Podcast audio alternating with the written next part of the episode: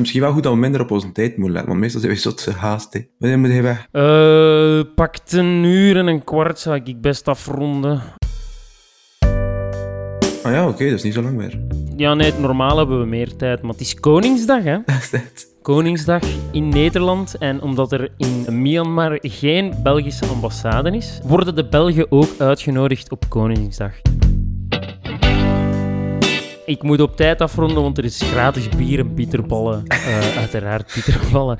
Voor alle Nederlanders en Belgen in Yangon die aanwezig zijn. Dat is echt fantastisch. Bier en bitterballen en Jan Von.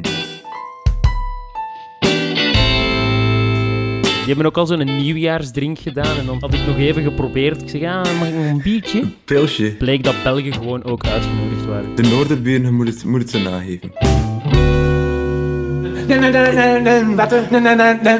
Negali. Voilà. Welkom, beste luisteraars, aan de toog van de Gouden Leeuw voor een, een nieuw gesprek tussen mezelf en meneer Felix Hoornaert. Hallo, Felix. Hallo, dag Arne. Ik ben blij om hier te zijn. Jij bent nog niet lang geleden van een andere toog vertrokken, dus het is wat op een laag vuurtje vandaag. Of gaan we er toch nog een spiertje uitgeperst krijgen? Ja, dat is wel waar. Het was wel laat gisteravond. eh, maar, maar ik heb wel nog goed geslapen, dus ik denk dat... eh, Soms zijn die pintjes om twee uur in de namiddag, als je de avond ervoor bent uit geweest, kun- die kunnen soms het beste smaken. Hè. Dus we zullen maar hopen dat Absoluut, voor dit absoluut. tooggesprek ook, eh, ook waar zal zijn. Dan wordt er al een keer op zijn best getoog gefilosofeerd na zo'n late avond.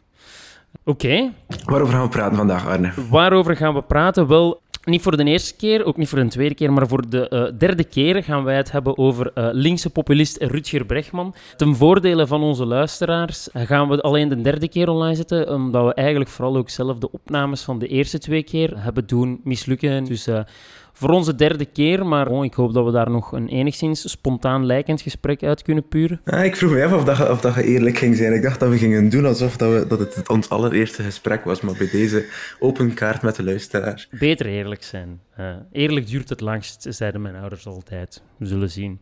Dus de agenda voor vandaag. Rutger Bregman het is ondertussen, met dat het een derde keer is dat we het opnemen, even geleden. Dus mensen zullen lang vergeten zijn waar het over gaat. De Rutger is nogal stevig aangepakt in een opiniestuk dat op de redactie is verschenen. Met een soort beschuldiging dat hij een eh, linkse populist zou zijn. Vonden wij wel interessant, omdat ja, het is toch iemand waar dat we vaak achter staan of dat we vinden dat hem goed werk doet. Dus wouden wij toch ook de, de commentaar op de Rudy's onder de loep nemen. Ik heb het artikel hier nog even eh, ehm, opgetrokken. De titel van het artikel is Zoals alle populisten weet Rutger Bregman heel goed aan welke touwtjes te trekken om gehoord te worden. Voilà. Dus eh, daar ging het dus een beetje, dus, eh, de linkspopulist Rutger Bregman. Wat heeft hij gedaan, de, de Rutger? Dat eh, is misschien belangrijk. De Rudy, gewoon even om een overzicht te geven, want dan wouden we dus toch wel even... Ja, wie is de Rutger? Kunnen we misschien best even eh, aanhalen. Waarom was die plots populair? Want hij heeft een paar keer op de redactie gestaan. En dan, ja, hij heeft een soort, zeg maar, eh, de hoofden gebotst. Dat is een- zo'n Engelse uitspraak, jongens, met Nederlands. Het is verschrikkelijk. Uh, met Tucker Carlson. En wat is daar gebeurd en wie is die mens eigenlijk? En dan kunnen we misschien eens hebben over wat dat, dat opiniestuk precies zei. En vooral ook, wat is dat eigenlijk, dat linkspopulisme? En is dat zo slecht wel?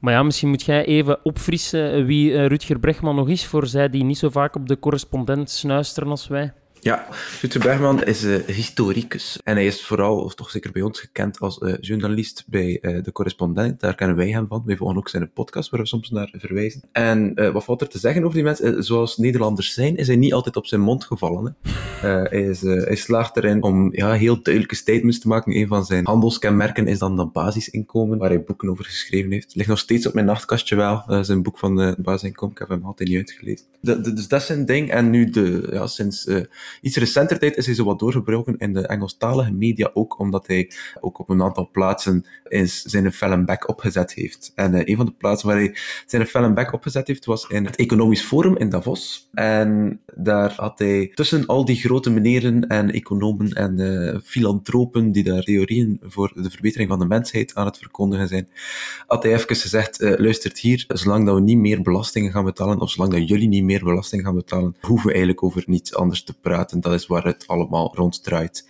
Taxes, taxes, taxes, denk ik, was zo een beetje de slagzin.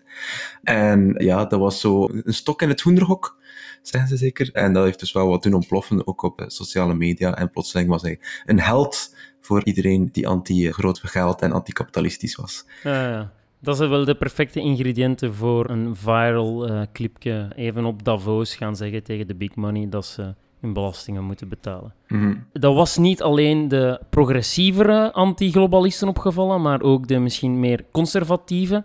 En Tucker Carlson is misschien echt wel het uithangbord voor zij die hem kennen. We zullen misschien in de links een filmpje posten. Vox heeft daar op hun YouTube een keer even uh, uiteengezet. Een paar schitterende quotes die die man heeft gedaan. Hij is groot geworden in een kasteel, dus een man echt van oud en enorm veel geld. En die van die dingen zich liet ontvallen in zijn vroegere dagen, voor hij zijn show had op Fox News. Als, ja, als je vanuit je kasteel naar het plebs neerkijkt, dan weet je dat de enige manier waarop je die situatie in stand kunt doen houden, is hen afleiden van het feit dat jij zoveel geld hebt en hun gewoon kwaad laten worden op iets anders. Dus ultra sympathiek figuur, uh, die Tucker Carlson. En die dan dankzij die geweldige credentials een postje kreeg op Fox News, een eigen show. Uh, mocht hij een uur gaan reilen en zeilen tegen alles wat niet blank is en niet uh, christelijk of weet ik veel wat. vooral dat de mensen dus echt letterlijk ja, kwaad zijn op alles behalve de situatie. Daar slagen ze vrij goed in in Amerika. En dus ja, hij is ook tegen al die vrijhandelsakkoorden, omdat dat dan ja, Amerikaanse jobs kost en weet ik veel wat. En het is natuurlijk... Ja, en niet onbelangrijk denk ik dat hij ook zo... Hij probeert toch zeker in dat tv-programma een stem van het volk te zijn. Hij is de, is de gewone man, hij is mee met u. Hij is, hij is, staat, we staan op hetzelfde niveau en we denken hetzelfde. Jij, de staalarbeider, en ik, Tucker Carlson. Dat is een beetje het idee? Voilà. En dus in die capaciteit en in die context is redelijk duidelijk wat zijn agenda is werd Rutger uitgenodigd om zijn verhaal te doen, omdat dat natuurlijk perfect in zijn kar past. En dan nog een keer heel goed van, kijk, hè, hier is een, een Nederlandse historicus waar dat wel een, een, welvaartsstaat is en waar die er heel progressieve ideeën op nahoudt. zou natuurlijk geweldig geweest zijn, moest die gewoon zijn boodschap mee ondersteunen. En dus uh, hij gaat daar redelijk hard tegen in, tegen Tucker Carlson, op een manier die... Ja, zeker als je dat context niet hebt rond de Tucker, lijkt alsof hem de andere niet echt een kans geeft om... Um... Ja, hij vliegt er wel goed in, inderdaad. Hij wacht niet echt veel af. Hij begint redelijk rap aan te vallen in dat filmpje. Nee, en in zijn bespreking nadien geeft hem ook toe ja, dat het verkeerd is om de ad hominem te doen, om, om op de man te spelen, want... Het probleem is niet dat Tucker Carlson zich laat omkopen of dat hij deel uitmaakt van een of ander gigantisch miljonairs- of biljonairsnetwerk die de wereldeconomie dirigeren. Het is eerder dat als hij niet zou willen meedraaien in, in hoe dat Fox News werkt als uh, afleidkanaal en weet ik veel wat, ja, dan zou hem daar niet zitten. Dus hij is deel van die hele mediacultuur daar, die als voornaamste taak lijkt te hebben om het vooral niet over uh, wat hij dan ziet als een van de grootste problemen te spreken, zoals belastingen. En dus ja, bon, hij komt er redelijk onsympathiek uit. En die Tucker verliest zijn geduld en scheldt hem de huid vol. Dat fragment wordt niet uitgezonden op Fox News, maar zij hadden het in alle stiekemheid gefilmd met de smartphone. En posten dat dan op hun eh, Twitter. En dat gaat opnieuw viraal en dat haalt opnieuw alle voorpagina's. Want ja, nadat hem daar in Davos zijn best gedaan had om dan even tegen zo'n ultra-right-wing persoon van leer te trekken op de camera, ja, dat valt natuurlijk ook weer in de smaak. En daarmee stond de Rudy plots redelijk frequent op voorpagina's zoals die van de redactie. Voilà, en dan komt hetgeen dat toch uh, centraal staat van wat wij hier willen zeggen, is dan Rutger Bregman is een populist en het is een bedreiging even hard zoals de andere populisten een bedreiging is. Dat was dan zo'n beetje de beschuldiging, denk ik, van dat artikel. Of wilde hij dat anders samenvatten? Ja, misschien nog ietsjes meer. David van Turnhout is de kerel die dat geschreven heeft. Communicatieconsultant en lid van de liberale denktank Liberalis. Liberalis die er toch vrij liberale ideeën op nahouden, maar bon... Uh, Wat zijn naam? Ja, uh, ja, wil niet zeggen dat dat daarom slecht is. Hè. Misschien een ander idee dan dat ik erop nahoud. Maar zijn beschuldiging is dus enerzijds met het heffen van 80% belastingen op de grootste inkomens, zoals Brechtman voorstelt, zet je wel een internationale samenwerking op poten, maar dan vooral één waarbij men nieuwe structuren bedenkt om belastingen te ontduiken. Dus zijn beschuldiging is enerzijds, dit gaat niet werken, die belastingen, dat, lost het probleem niet op. En dan volgt daaruit ook de beschuldiging daarna dat zijn populistische insteek in dit debat om andere, uh, quote-unquote, simpele oplossing voor een complex probleem naar voren te schuiven, ja, dat dat even erg is als wat er aan de andere zijde van het politiek spectrum gebeurt. Voor zover er twee zijden zijn, dat is misschien een beetje. En daarmee begonnen wij te denken van, ja, wat is dat eigenlijk, een linkse populist? Is dat fair? Zijn wij misschien nog te blind en te snelvergevend van wat de Rutger zou doen? Zijn die effectief uh, slecht voor onze democratie en is het fair om die te vergelijken met rechtse uh, populisten? In onze zoektocht naar een antwoord op die vraag zijn we terechtgekomen. Geheel onverrassend opnieuw bij een uitstekende audio longread van The Guardian. Mhm. Ene die we geluisterd hadden voor onze aflevering nummer drie. Rond eh, extreem rechts, extreem gevaarlijk. Misschien het moment om de luisteraars nog eens te aan te herinneren dat ze zeker beter naar The Guardian hadden geluisterd dan naar ons. Maar, dus, Effectief. Als je echt Ja. een boeiend gesprek wilt daarover, dan moet je gewoon luisteren naar wat dat die zeggen. Een schitterende eh, podcast. Het was een beetje academisch, hè, die podcast. Dus het was eigenlijk een, ehm, ja, dus, eh, de, de samenvatting van het, eh, het academische standpunt van wat is, is populisme, vond ik op zich al boeiend om dat, om dat eens zo te lezen. Ten eerste, die term bestaat al lang. Eh er is al lang over gediscussieerd geweest. Eh, daarin liepen ze zeker de media van vandaag in, in vooruit. En ja, populisme is eigenlijk alles dat opdeelt in een heel sterke wij zij ergens, die het, een ene groep mensen wel tegen een andere groep mensen opzet. En ja, die probeert een, eh, een boodschap te geven dat er iets bestaat zoals een elite en een volk. En dat de elite niet te betrouwen is, of dat de elite slechte bedoelingen heeft, en dat het volk ja, moet beschermd worden, of dat er iemand moet opstaan voor het volk, en dat dat, dat de mensen zouden zijn. Ja, ik zou er nog aan toevoegen als nuancering. Zij verkopen zich en zetten zich in spectrum als wij kanaliseren de wil, de universele wil van het volk. Al- Alsof er een soort universele wil is. Ik vind de schitterende contradictio in terminis is dus al meteen dat de elite is geen deel van het volk en als hun wil niet in lijn is met de universele wil, dan, dan eh, ja, bon, hun probleem duidelijk. Maar vooral ook, denk ik, en extra nog is dat politiek moet gaan om de uiting van die en de realisering van die, die generale wil. Ook wanneer dat die stuit op eh, wettelijke grenzen die er zijn rond rechten voor minderheidsgroeperingen, weet ik. En ehm, ja, ik denk dat we wel duidelijk kunnen zeggen dat als je naar die definitie kijkt, dat hetgeen dat Rutger daar doet, in zekere zin populistisch is. Hij praat over de elite die eigen belangen nastreeft en dat volk er wel degelijk aan ten onder gaat of niet mee gediend is. Maar de vraag die dan ergens komt, is ja, is dat eigenlijk een, een slechte tendens? Gaan we erop achteruit als we populisten hebben die, die zo'n dingen zeggen? Of is dat eigenlijk een wel manifestatie van iets dat wel positieve gevolgen heeft? En hetgeen dat ik alleszins ook meenam daaruit was dat heel veel dingen populistisch genoemd worden als een soort scheldwoord om, om dan te proberen te bereiken dat er niet naar dat geluisterd wordt. En een populist is typisch wel hard en maakt dingen simpeler dan ze zijn, of en probeert wat te bruskeren. Maar je kan wel soms een eh, heel belangrijke boodschap dragen, of kan een gevoel uitstralen dat leeft en dat zo eigenlijk een stem krijgt. Ik vond die vergelijking die daarin eh, voorkwam van de populist is eigenlijk de drunken guest at the dinner party. Die persoon dat niemand graag heeft, maar die wel even zegt waarop, waarop dat staat. Dat, eh, dat vind ik wel interessant. Ik vind het interessant op allerlei vlakken. Ik vind het interessant om uh, Rutger Bregman in dat geval eh, te denken als een drunken guest op de dinner party. Maar in mijn, mijn ogen, eh, als er één persoon die dat ik daar onmiddellijk mee associeer, dat is Donald Trump is ook zo. Dat is ook een drunken guest die van allerlei dingen doet die verschrikkelijk storend zijn en mensen met mopen mond achterlaat. Tezelfde tijd uh, haalt hij zo een paar uh, zaken aan die heel veel Amerikanen dan, of een bepaalde groep Amerikanen, al heel lang een keer wou zeggen. En uh, dat is zo'n beetje wat de effect daarvan is, denk ik dan. Ja, ik denk... Dus, je zei hier meteen ook aan het doen van natuurlijk het soort... Uh, wat het gebruik van het woord voor uitnodigt. En dat is Rutger Bregman naast Donald Trump zetten. Kijk, ik heb altijd het gevoel dat mm. de term populisme gebruiken en mensen populistisch noemen, is bovenal lui. Dat is echt gewoon niet het werk doen om te kijken naar wat is het precies. Want wat doen we, zeker met de rol die dat woord ondertussen speelt, is van zodra dat iemand consensusgewijs door de media als een populist wordt bestempeld, betekent het dat we niet moeten luisteren naar wat ze zeggen. Dat zijn onredelijke mensen die op een onconstructieve manier deelnemen aan het politiek gesprek. Dus we moeten niet, ons niet druk maken over de inhoud van het statement en of dat ze misschien gebaseerd zijn op een juiste claim. Ik bedoel, niet iedereen die onvrede heeft met zijn situatie, economisch, sociaal, cultureel, weet ik veel, uh, heeft een uh, universiteitsdiploma op zak en kan zich in uh, het perfecte jargon dat op publieke omroepen en andere nieuwsomroepen gebruikt wordt, die klacht gaan formuleren of heeft niet de, de kennis van alle data of de tijd om dat allemaal te vergaren.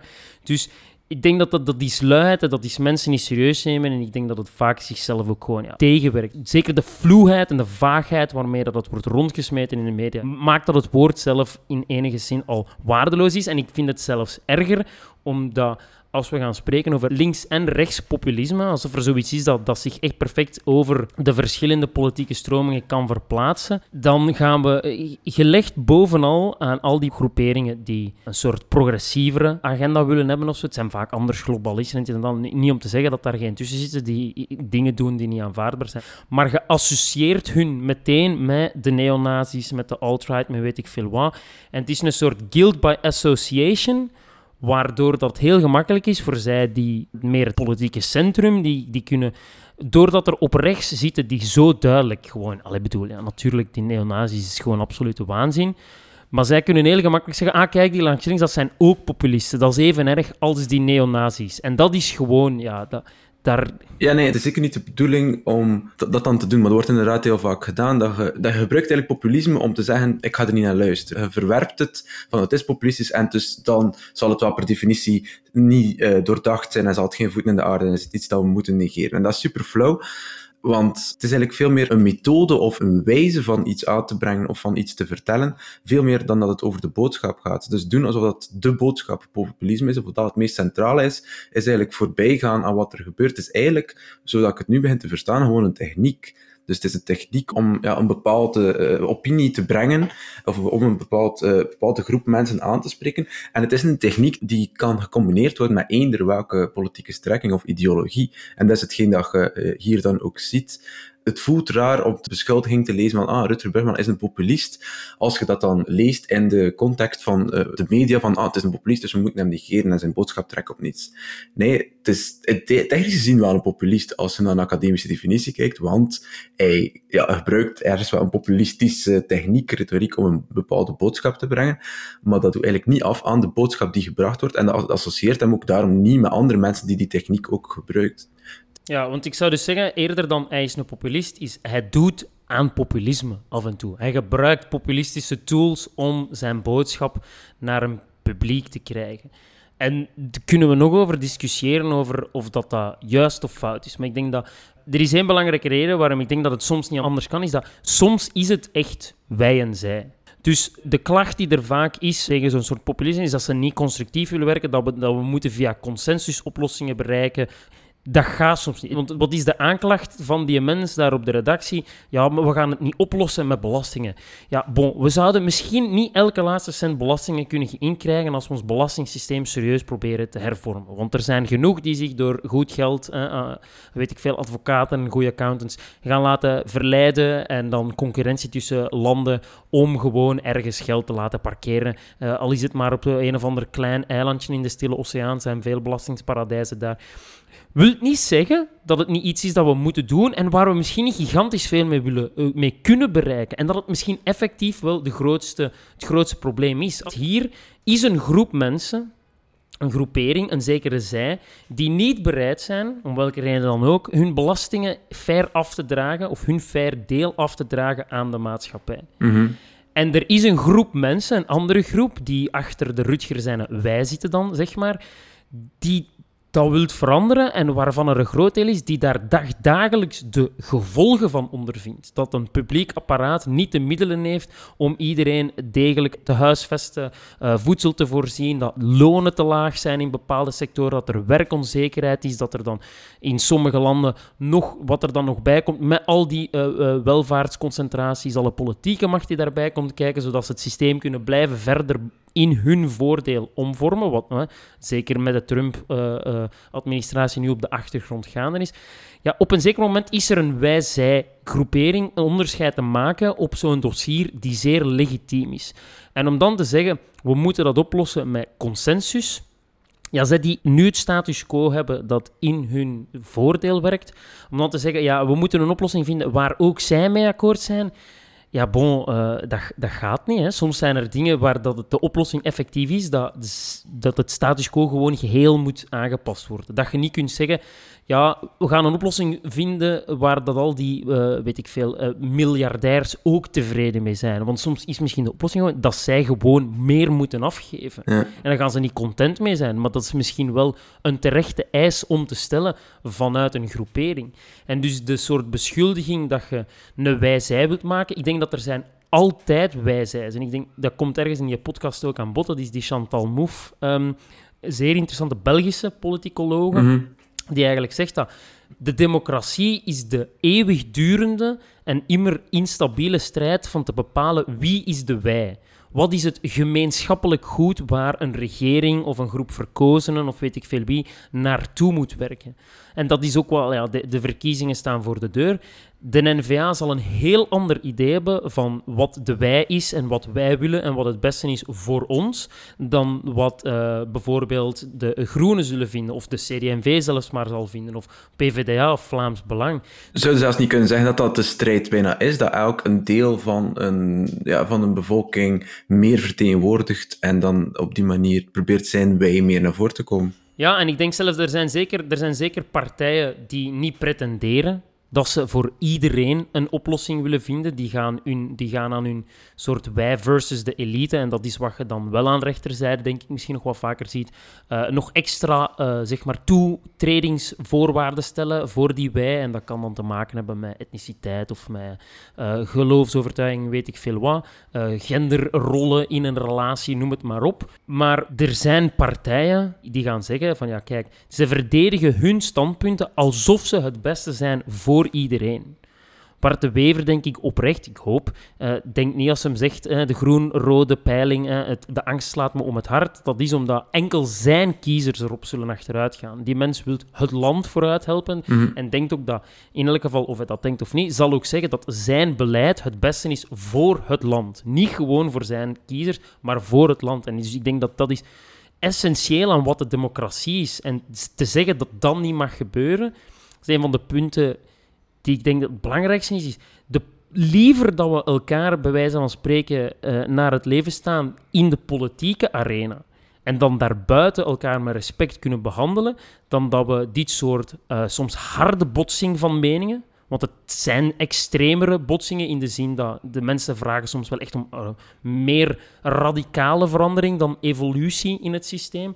Ja, liever dat we dat politiek uitvechten, dan dat het zich buiten een parlement moet gaan afspelen in dat we elkaar fysiek beginnen iets aan te doen of zo. Dus ik denk, die, die strijd heeft het voordeel dat we daar onze verschillen uit gaan proberen eh, te klaren of tot een soort ehm, ja, uitkomst komen waarbij dat we ons tot op zekere hoogte met respect gaan neerleggen met oké, eh, ik ben de minderheid of niet iedereen is te vinden ervoor.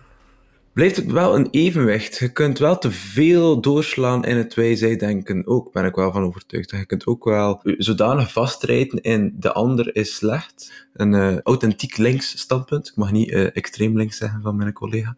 Een authentiek links standpunt dat al het geld bij de bedrijven zit en dat een klassiek socialistisch denken. Dat is op zich wel een beperkt manier van ernaar te kijken. In zekere zin zijn die wel verbonden met elkaar, de belangen van de bedrijfseigenaar en de werkgever. Je kunt al wel politiek retoriek zeggen van hey, ik kom hier op voor mijn achterban, maar je moet wel op een bepaald moment aan een tafel zitten en elkaar standpunten verstaan. Ik denk dat het wel niet gemakkelijk is om te zeggen populisme is best oké. Het is goed voor onze maatschappij om hard te bikkelen voor onze belangen, hè. te, te strijden in de politieke arena, maar wel nog overblijven met het gevoel dat er uiteindelijk iets gaat moeten beslecht worden en dan wel erkennen dat er eh, standpunten bij de ander zitten. Ik denk dat het wel ook heel verleidelijk is om als populist dan gewoon voet bij stuk te houden en niets te willen doen en geen voetbreed willen toegeven, waarmee dat je dan ook wel van alles kapot maakt, denk ik dan. Ja, absoluut. Volledig akkoord. Dat is een zeer terechte opmerking. Dit kan te ver gaan.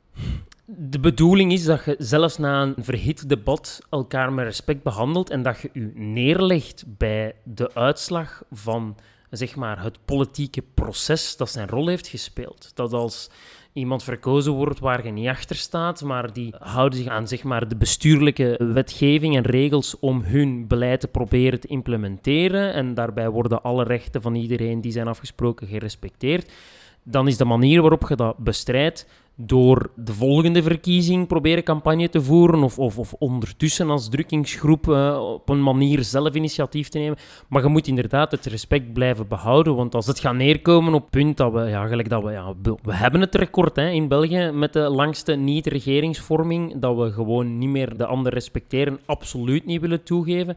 Denk wel dat er soms zaken zullen zijn waarbij dat ja, slavernij of zo bijvoorbeeld, kun je niet uh, rustig rond tafel blijven zitten en hopen dat we het uitpraten. Soms zal het komen tot echt conflict over dat soort zaken, maar dat is zeer, zeer uitzonderlijk dat het zo ver moet gaan. En dat gaat Daar schuilt er wel ergens een soort gevaar in de zin dat zijn we nog bereid om te ervaren dat een democratie werkt volgens compromissen?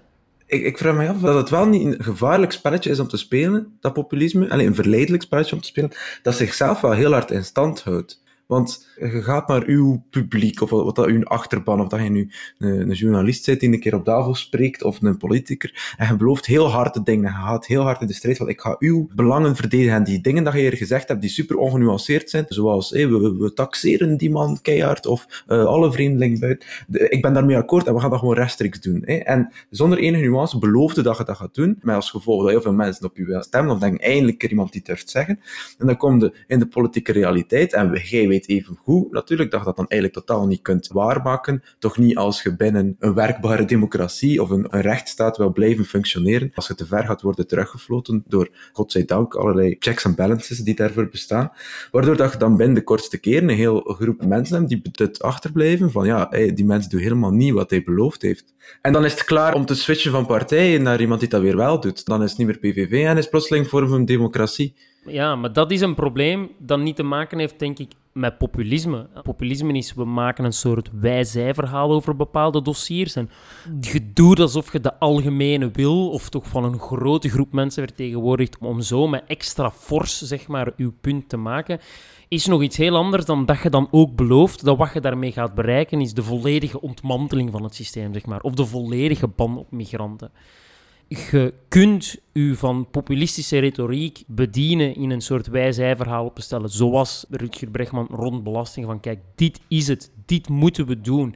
Veel gemakkelijker en soms misschien ook de enige manier om echt een grote populaire beweging op de poten te krijgen. Zoals bijvoorbeeld rond klimaatverandering. We moeten de klimaatverandering stoppen dan moet je wel niet daarbij ook vertellen en we gaan dat op deze manier doen en niemand gaat ons iets anders kunnen doen en bla bla bla en alles erbij. En daar denk ik het gevaar in schuilt, dat dat er dan bij komt en dat als je dan voor een verkiezingsuitslag komt waarin dat er partijen zijn, zoals was nu een reeks met 15% en je moet compromissen gaan sluiten, ja, je moet wel mee willen doen aan het onderhandelingsproces. En af en toe gaan er punten zijn waarvan je zegt van kijk, dit is principieel. Hè. Maar als je dat doet voor heel programma, dan kom je natuurlijk nergens. En dan krijg je zelfs dan nog, ene keer als je verkozen bent, je hebt je regeringsakkoord, je kunt beginnen werken, maar dan gaat je gefrustreerd worden over, ja, en die rechter houdt mij hier tegen. Ik denk nu maar aan Theo Franken en die minderheidsrechten. Dat zijn klachten die hij vaak maakte. Hè. Dit achterhaalt rechtsapparaat.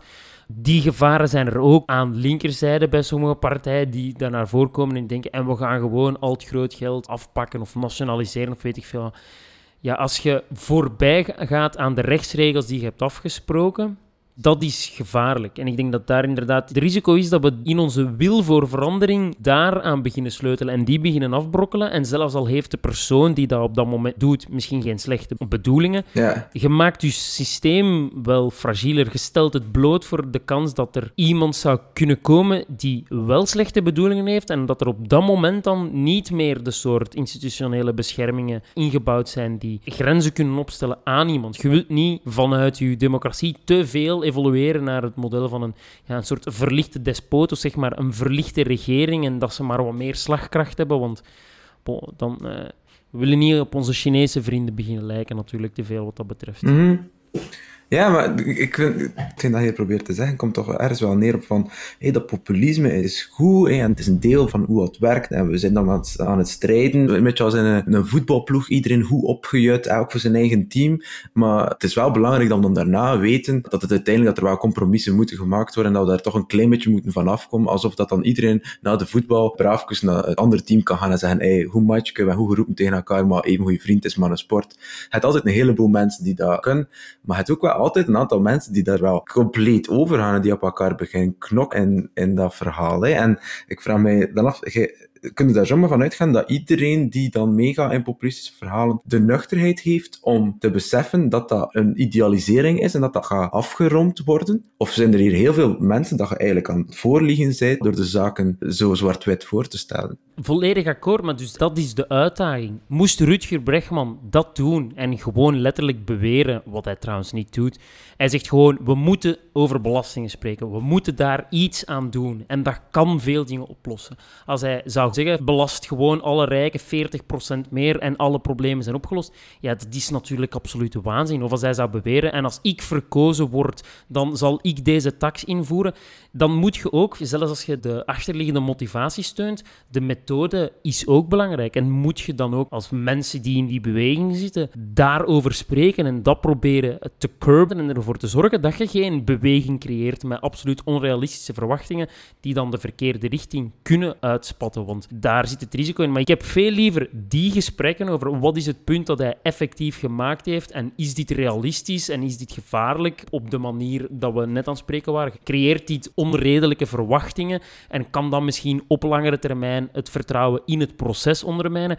Ja, die gesprekken moeten we hebben. Maar ik heb veel liever die gesprekken dan dat we hier gaan zitten. Ja, het is een populist. En het is problematisch dat hij een keer een populistisch discours aanhaalt, of we moeten er daarvoor niet meer naar luisteren. Ja. Dus eigenlijk als onze centrale vraag is, ik weet niet wat onze centrale vraag was, maar als onze centrale vraag is, populisme, is dat nu goed of slecht? Moeten we dat nu meer doen of minder doen? Het is flauw om het niet te doen, en het is ook flauw om te zeggen dat alles wat populistisch is slecht is. Daarmee zijn een heel zwak argument aan het maken om niet te moeten luisteren naar iemand die een heel goed punt maakt. Dus het kan zeker helpen om iets ter sprake te brengen, maar het moet ook wel wat gematigd zijn. Ik denk hier plots dat populisme eigenlijk een beetje de alcohol is in de sociale conversatie. En nu en dan een keer goed erin vliegen mag wel een keer, eh, dan maakt het gesprek beter en dan wordt er al een keer iets gezegd dat er gezegd moet worden. Maar je moet natuurlijk ook wel nog de tijd vinden om een keer eh, nuchter met elkaar te praten ook. Ja, als je zat bent en je wint op tafel te beren, dan gaat het toch ook iets te ver. Dan zetten de mensen ook buiten. Hè. Ik bedoel, er zijn grenzen aan. En je kunt in je zatten al een keer zeggen wat je echt denkt, maar als je dan naar een oplossing zoekt, dan eh, liever toch zonder al te veel wijn uh, of bier aan tafel. Het is oké om een keer zat te zeggen wat je echt denkt. Dan zeg je misschien een keer echt wat je al zo lang wou zeggen. Zolang dat je een dag daarna met hangende voetjes kunt komen zeggen dat het misschien wel niet zo extreem was. Ja, en opnieuw wil ik zeggen, als we het dan toch over concrete dingen willen hebben, ik denk echt wel dat er veel terechte klachten zijn van aan die progressieve zijde. Uh, ik had u dat doorgestuurd, een aanrader ook wel, die Breaking Europe videoreeks op de redactie, waar trouwens ook een fantastische reeks artikelen over de stand van de democratie geweest is. En dat filmpje van Breaking Europe gaat in de wijken rond Parijs kijken, van naar de gele hesjesbeweging, dit en dat. En daarbij komend nog een artikel dat op de correspondent stond over de minder gegoede wijken in Rotterdam. En ja, mensen hebben gewoon matige huizen, werken zich soms uit de naad om dan niet genoeg geld hebben om hun kinderen van goede gezondheidsvoorziening te voorzien of naar een goede school te sturen of goed eten te kunnen hebben. Of om misschien een keer, stel je voor, een weekje naar de kust te gaan op vakantie, één keer per jaar of zo. Er zijn wel echt veel mensen die in die situatie zitten en waarvan dat er veel zeiden van ja, bon, uh, dit is het, uh, we moeten met consensus werken en we kunnen het maar een klein beetje veranderen. Mm ja, er zijn tegenbewegingen waar we het in de andere aflevering over gehad hebben, die uit een heel andere hoek komen, waar ik een hele hoop minder sympathie voor heb, die veel meer gaan over ik had hier van alle voorrechten en privileges en gepakt me ze af en uh, bon, dat gaat niet zo zijn, ook al is het verder wanneer dat je met er een paar afpakt. Er zijn ook echt wel mensen die gewoon veel minder dan hun fair deeltje van de taart krijgen. En als die daar kwaad van worden en dan een keer echt gaan protesteren en op straat komen. Was het, een miljoen driehonderdduizend in Frankrijk? Ze moeten daarom geen auto's in brand steken. En dat, dat is natuurlijk niet de oplossing. Maar er is een terechte vraag naar meer extremere verandering dan we gaan misschien daar nog een beetje bijsluiten en nu misschien daar een keer een extra uitkering geven. Maar enkel als je deze 37 formulieren ondertekent en invult. Want je zou maar eens een profiteur moeten zijn of zo. Ja, ik snap dat er mensen zijn die dat ook beu zijn. En die dan... En heel hash aan doen zoveel jaren verteld zijn, generaties verteld zijn van ja, we moeten het door het democratisch proces doen en dat gaat gaan. En die dan de verandering traag zien gaan. En dan op dat moment creëert je de kans dat zij in het proces hun vertrouwen verliezen. Ja. Dat vind ik meer risico dan dat zij luid roepen van wij verdienen meer, want zij krijgen te veel. Ja. Dat kwam met die Guardian ook goed naar voren. Die zeiden, het is vaak het idee dat de populisten de verdeeldheid veroorzaken. Het is veel meer dat de populisten stem geven aan de verdeeldheid die er al is en de frustratie die er al is. En dat we hier in dit geval zeggen dat er zeker niet onterecht is, hè, inderdaad. Geel hesje aan, zwarte vlag. Zwarte vlag naar het Malieveld. Dat is een uitdrukking dat ze daar gebruiken in dingen, maar ik weet niet goed wat ze ermee willen zeggen. Ik weet het intussen, maar het is eigenlijk flauwer dan het is. Het Malienveld is de wedstrijd Ah. voor hen. Dus bij ons is het zwarte vlag naar de wedstrijd. Maar misschien geen zwarte vlag dan. Ja, Geel hesje naar de wedstrijd. we hebben geen hesje naar de wedstrijd. Of misschien gewoon met een goeie pint naar de wedstrijd en even een klein toogstje van de Gouden Leeuw opzetten. En eh, Bartje de Wever of Jan Jan Bon, eh, wie dat er ook eerste minister wilt eh, worden, even, even neerzetten en zeggen, kom, beren. Heel hesje en een paletje kara en naar de wedstrijd. Wat denkt u daarvan? Gewoon, ja, kom beren, deze is, deze is niet serieus. Hè. Eh, We moeten de mensen toch wat geven. Hè. Ja. Ik moet u nog aan iets denken, eh, van dat je daar juist zei, voetbalmatch. Ik ben vorig academiejaar, dat is ondertussen ook vorig jaar, Noord-Ierland gaan bezoeken, omdat toen een van mijn jaargenoten haar een thesis ging schrijven over het conflict in Noord-Ierland, dat trouwens ook al voor al die brexit-problemen, eh, zoals we daar toen zagen en zoals zij ons vertelde, heel wat minder opgelost was dan dat we misschien als niet aandachtige buitenstaanders dachten. Die muren staan daar nog altijd. Daar is in 2008 een vijf meter hoog hek bovenop gezet. Dat, is dan, dat was 18 jaar of zo na het vredesakkoord. Dus Symbolisch en letterlijk staan nog. ja, het is echt nog wel moeilijk gaande daar. En je kunt er zo'n Black Cabbie Tour doen. Dus dat je echt in zo'n typische Britse taxi zit en die neemt u dan mee langs de graffiti-werken en vertelt de geschiedenis. Allee. Die mens zei, in Glasgow heb je ook tussen de katholieken en de protestanten enorm veel conflicten gehad altijd. Ik ken de geschiedenis niet goed, dus misschien zeg ik absolute onzin. Dit is wat die mens mij vertelde. Was dat. Daar had je dezelfde soort spanningen die nooit tot dat soort punt gedreven zijn. En zijn theorie was eigenlijk, wat je daar ook had, was de Celtic Glasgow en de Glasgow Rangers, waarvan de supporters volgens de geloofslijn, of toch zeker vroeger, eh, min of meer gescheiden waren. En dus die zei van, ja, elke week kunnen die daar hun hart gaan uitschreeuwen tegen elkaar in het voetbalstadion en gaan echt onnozel doen. En daar wordt enorm veel van die woede wordt gekanaliseerd via dat forum, zeg maar. En hij zegt, dat hebben wij in Belfast, hebben we dat nooit gehad. Dat was er niet op die schaal. En dus hij zei, dat was één van de uitlaatkleppen die misschien het verschil gemaakt hebben tussen waarom het hier wel tot fysieke confrontatie gekomen is als daar. Liever oorlog in het stadion dan oorlog on the streets. Voilà. Ja. Ik zie er wel iets in zo. Ik kan me daar wel iets bij voorstellen. Nee, maar het is ook echt een schoon verhaal. Het is gewoon, ik had het vorige keer ook al verteld, dus ik was het al een beetje beu.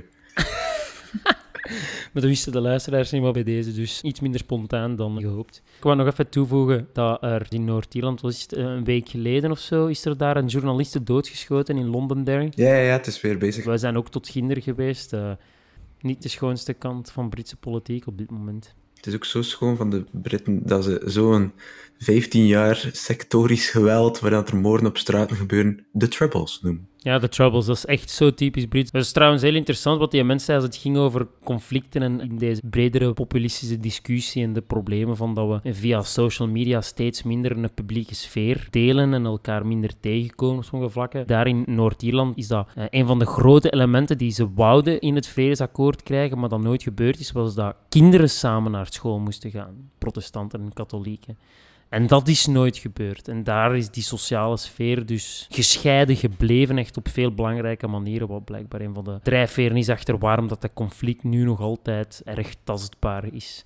Dus ehm, denk daar inderdaad. De stap die nog verder gaat in het soort populistisch discours is dan de moment waarop dat onze informatiekanalen ook een wij-zij worden. Ja, maar dat is uw universiteit, dat is uw informatie, dat is uw kennis. Dat was een zeer praktisch en tastbaar voorbeeld van de soort gevolgen dat dat kan hebben als we dat verliezen. Elk zijn eigen ding. Maar goed, ik denk dat we ons punt gemaakt hebben hè, over ons populisme. Lijkt me wel. Ik denk dat ik u beter wandelen stuurt, want hij moet bitterbal gaan eten en bier, dacht ik. Dat is dat het plan? Bier, kaas en bitterballen. En dan zeggen dat het tegen populisme zit. Een beetje volksvertier is af en toe op zijn plaats lijkt. Dat kan. Right. Dan, ja, zo. Ik hoorde een jingle in mijn hoofd. Nu zullen we misschien de dag zeggen tegen de mensen. Hè?